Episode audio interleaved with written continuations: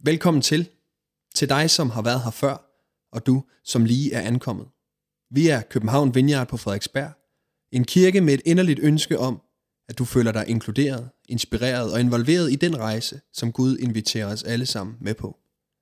Vi håber, at den næste tid med podcasten på Play vækker opmundring, udfordring eller genklang lige der, hvor du er. God fornøjelse. Ja, søndagens tekst er... Nej. Øh, tusind tak for... Øh...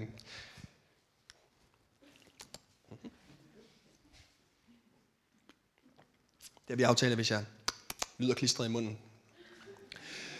Tusind tak for, øh, ja, for de meget flotte ord, Anne og Flemming, og alle jer, der har den sidste tid været hen og sige held og lykke og tillykke og øv og det hele. Det er meget, øh, det er en mærkelig tid at være her nu, at øh, vi har jo snakket om det længe, at vi skulle til at flytte.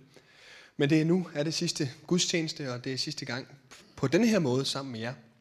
Og Karoline og jeg har været vanvittigt glade for det her fællesskab. Været så taknemmelige for at være en del af København Vineyard og alt, hvad der er, der har sket igennem den her kirke. Vi glæder os rigtig meget til at fortsætte og følge med. Vi vil jo også rigtig gerne have været med på camp, men øh, Karoline er sat til lige omkring camp-ugen, så vi tænkte, det er måske bedre at vente til næste år, hvor at vi så har et barn i forvejen. Øh, måske. Øh, hvordan det nu lige sker. Men så derfor så glæder vi os jo bare rigtig meget til at se jer igen, alle mulige andre sammenhæng. Men for nu er det et farvel og på gensyn, og øh, jeg vil bare sige tusind tak for al den opmundring, jeg har fået af jer de sidste fire år. Både fra Flemming og Anne og det resten af presseteamet. Og det har været en kæmpe fornøjelse at være en del af den her kirke. Det er en skøn kirke, jeg har været inde bagved. Jeg har set den sorte bog, og der er ingen af jeres navn i. Det er en skøn kirke at være en del af. Det er rigtigt nok. Ja, det er rigtigt nok. Øhm, så tusind tak for den her gang. Vi er jo, vi, man kan jo sige farvel og sige hej, og, vi, og bare lige for at sige, vi har ikke nogen lejlighed endnu. Så jer, der kommer ind og spørger, hvor skal vi bo? Det er et ømt punkt.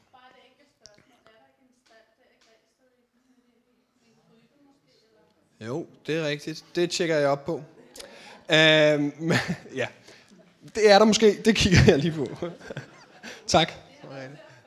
Det er sket før, det er rigtigt. Det er rigtigt. Vi går til Græsted. Um, nå, men tusind tak for det her. Og dejligt. nu, skal jeg, nu vil jeg så slå over i den næste. Der er det, jeg skal også prædike. Uh, så hvis det føles som et bræt skifte, så er det et bræt skifte. Vi skal være sammen om en rigtig spændende tekst fra Lukas evangeliet.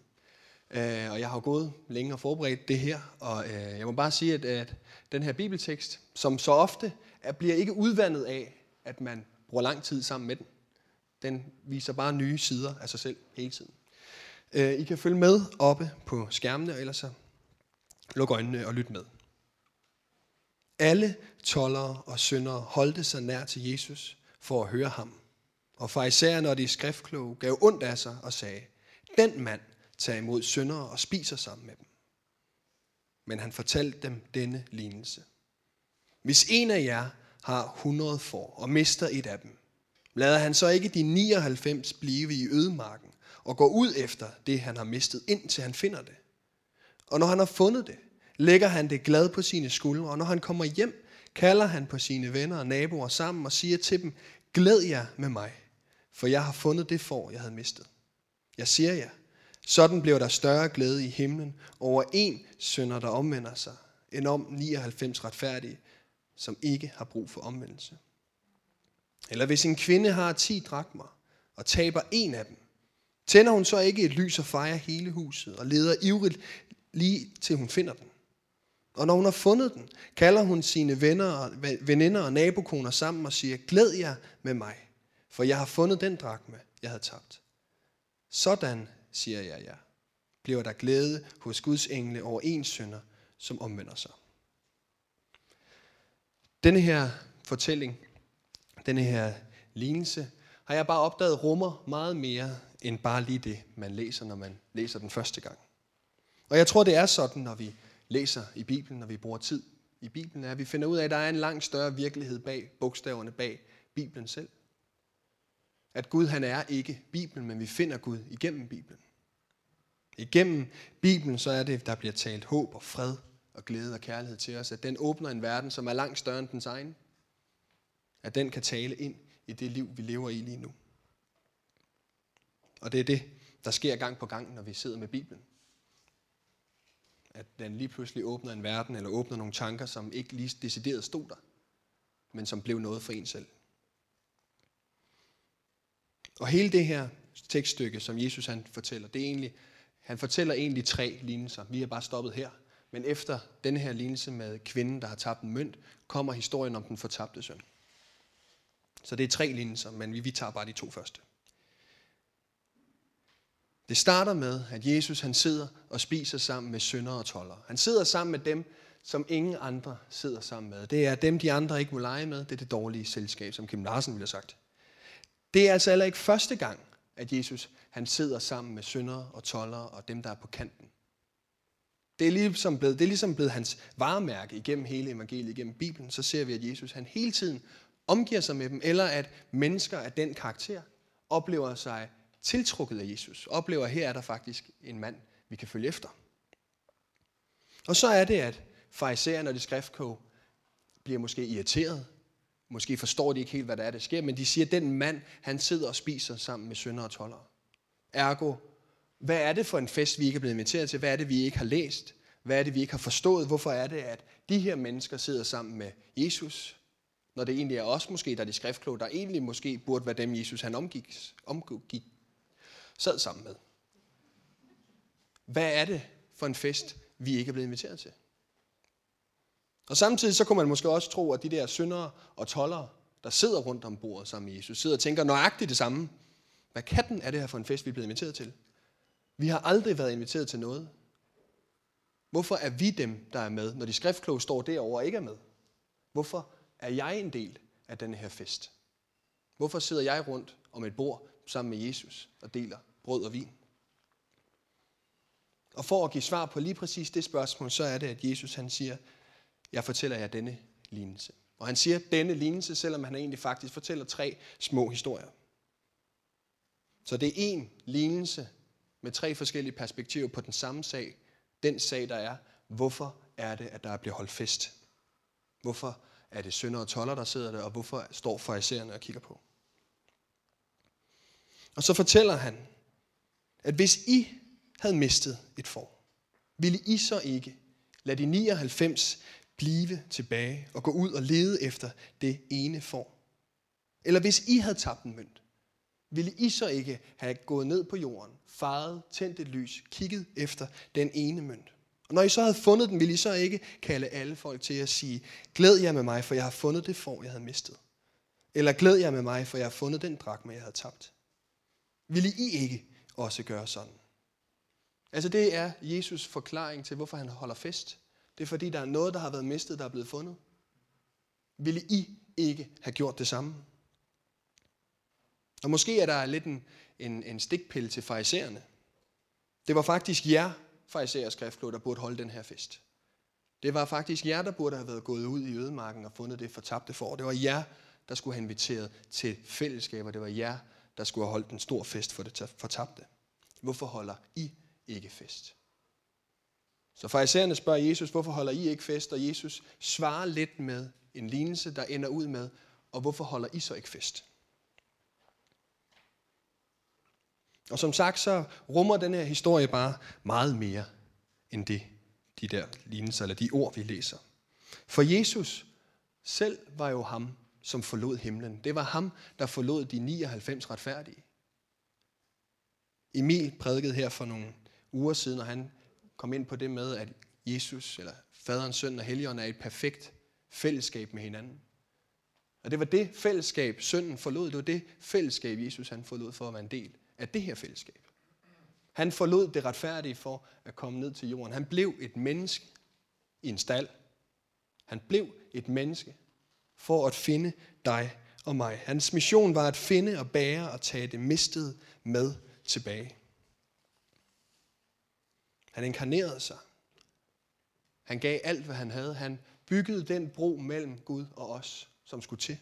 Og den bro kostede bare alt, han havde. Det kostede hele hans liv. Men den her lignelse, de her om foråret, og mønten, der er det altså ikke Jesus, der fortæller, at der er et får, der er løbet væk. Vi lige ikke også, hvis der var et dumt får, der var løbet ud af folden, løbe efter det. Eller hvis der var en mønt, der var rullet ud af punkten ned på jorden, ville lige så ikke have let efter det. Det er faktisk ikke sådan, Jesus han siger. Jesus tager den faktisk på sig selv og siger, hvis en af jer har øh, 99 for og mister et af dem, eller hvis I taber en mønt. Det er faktisk Jesus, der selv tager ansvaret for, at der er noget, der er løbet væk. Og det er også Jesus, der selv tager ansvaret for at være ham, der giver alt, hvad han har, for at løbe ud og finde det ene, der har fortabt. Og som kvinden, der har tabt en drakme, sådan er det med Gud. Han bøjer sig ned i stød ned til dig og til mig. Kongernes konge er ikke for fin til at blive oppe i himlen og kigge ned. Men han bøjer sig ned og fejer. Man kan forestille sig, hvordan hun har brugt hænderne til at feje med et lille lys for at finde dig og for at finde mig. Og da jeg tænkte på det, så kom jeg til at tænke på, hvad hvis nu, at man sad i en, i en uheldig situation, ikke bare som mønt, men hvis nu man var i sit liv, hvor man sad og tænkte, her skal Gud ikke finde mig. Det her krat, jeg sidder i, det har jeg siddet i så mange gange. Jeg har ikke lyst til at blive fundet her. Så er det bare fantastisk at læse, at det ikke er Gud, der kommer og peger fingre og siger, Nå, her var du dit dumme for. Nå, Kristoffer, så sad du her igen. Jeg tænkte nok, det var her, jeg fandt dig. Men der står, at han tager gladeligt foråret op på sine skuldre. Bærer det hele vejen med hjem til de 99 andre og holder en stor fest. Jeg kom bare til at tænke på, at det kan vi nogle gange godt tænke, her skal Gud ikke finde mig. Eller øv, han fandt mig her igen. Hvorfor er jeg ikke blevet bedre? Men sådan er vores Gud ikke. Han bebrejder ikke, han tager skylden på sig selv. Han har mistet et form, og han vil finde det. Jesus han bruger tre billeder. Hyrden, kvinden og faderen i den fortabte søn. Og de tre billeder refererer alle sammen til billeder, som det gamle testamente også brugte om, hvem Gud han var. Så det var noget, som de skriftkloge og sønderne og tollerne, der sad under bordet, de kunne forholde sig til. I salme 23, der hører vi, at Herren er min hyrde. Jeg lider ingen nød. Han lader mig ligge på grønne enge og leder mig til det stille vand. Jesus taler ind i en karakter som Gud værende en hyrde, som jøderne kender så godt. Esajas taler om Guds trofasthed som en mor over for sit barn. Glemmer en kvinde sit dine barn. Glemmer en mor et barn, hun har født. Hvordan kan en mor glemme et barn, hun har født? Og på samme måde, hvordan kan en skaber glemme sin skabning? Og i Malakias, der læser vi, at har vi ikke alle samme fader? Er vi ikke alle skabt af den samme Gud?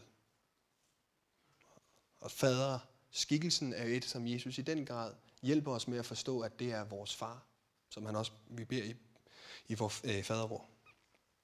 Så det er tre perspektiver, der fortæller den samme historie. At Gud er ude efter os. At Gud er alle vegne. At Gud er over det hele og altid på spring efter os. Og så er der det problem, at vi tit kan komme til at adskille himlen og jorden. At vi nogle gange kommer til at tænke, at Gud han har skabt jorden, sparket den ud over øh, startrampen, og så ruller den lidt videre af sig selv. Så må I klare jer selv.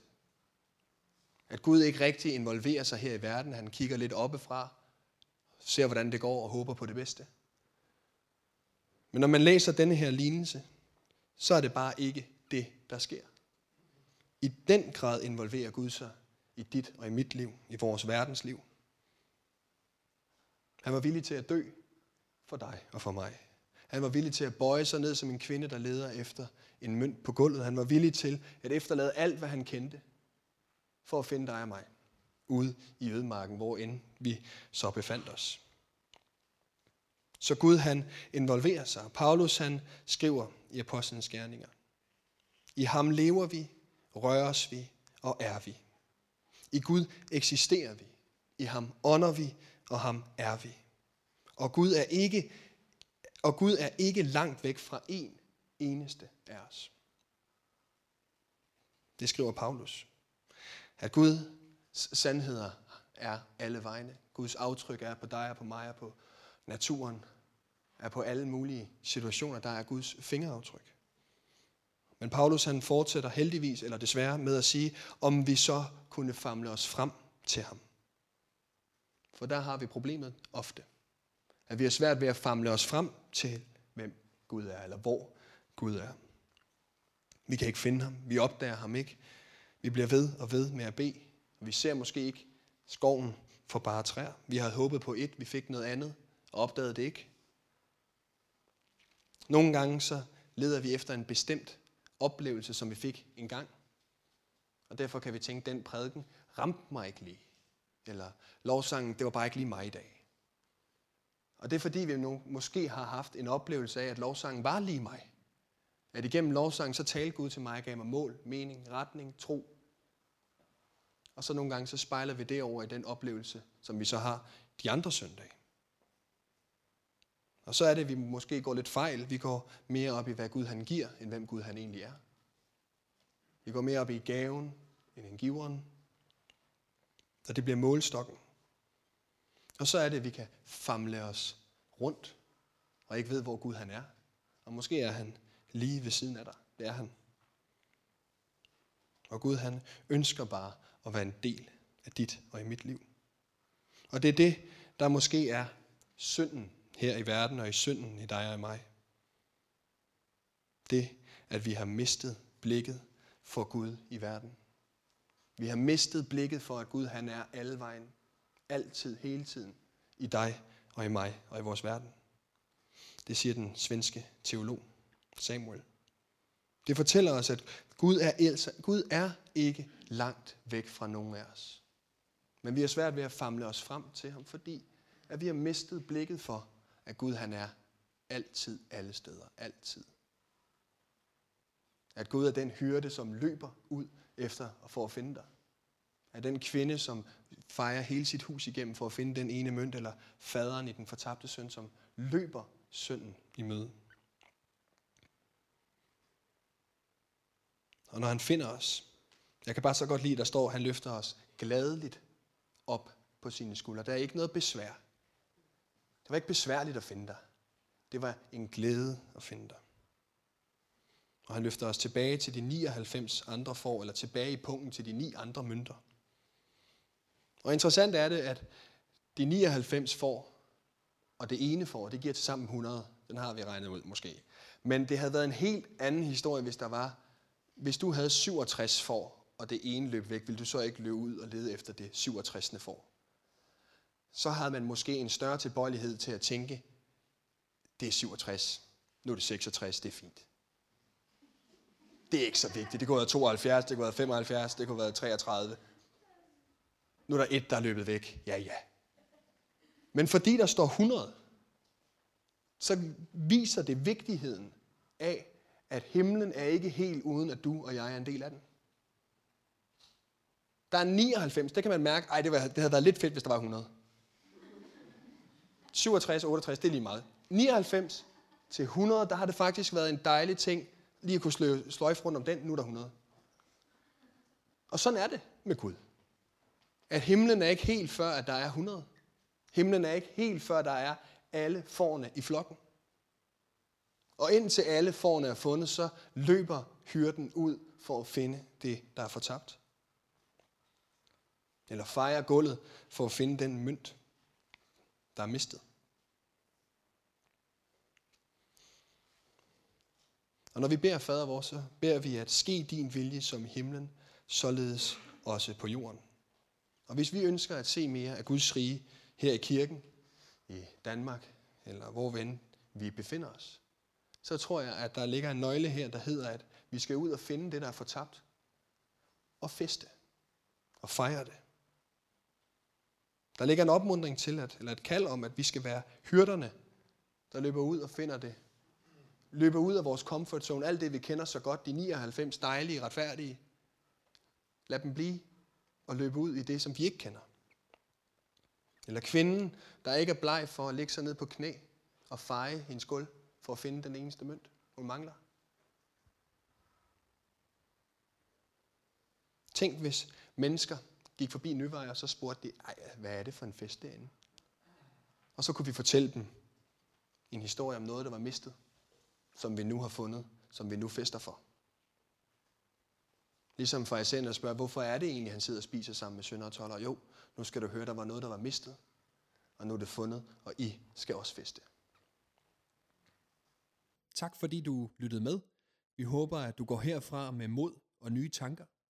Er du interesseret i mere fra København Vineyard, kan du finde os på Facebook, Instagram eller på vores hjemmeside. Du er altid velkommen forbi kirken på Nyvej 7 på Frederiksberg, både til gudstjeneste om søndagen eller i løbet af ugen. Guds fred og velsignelse til dig.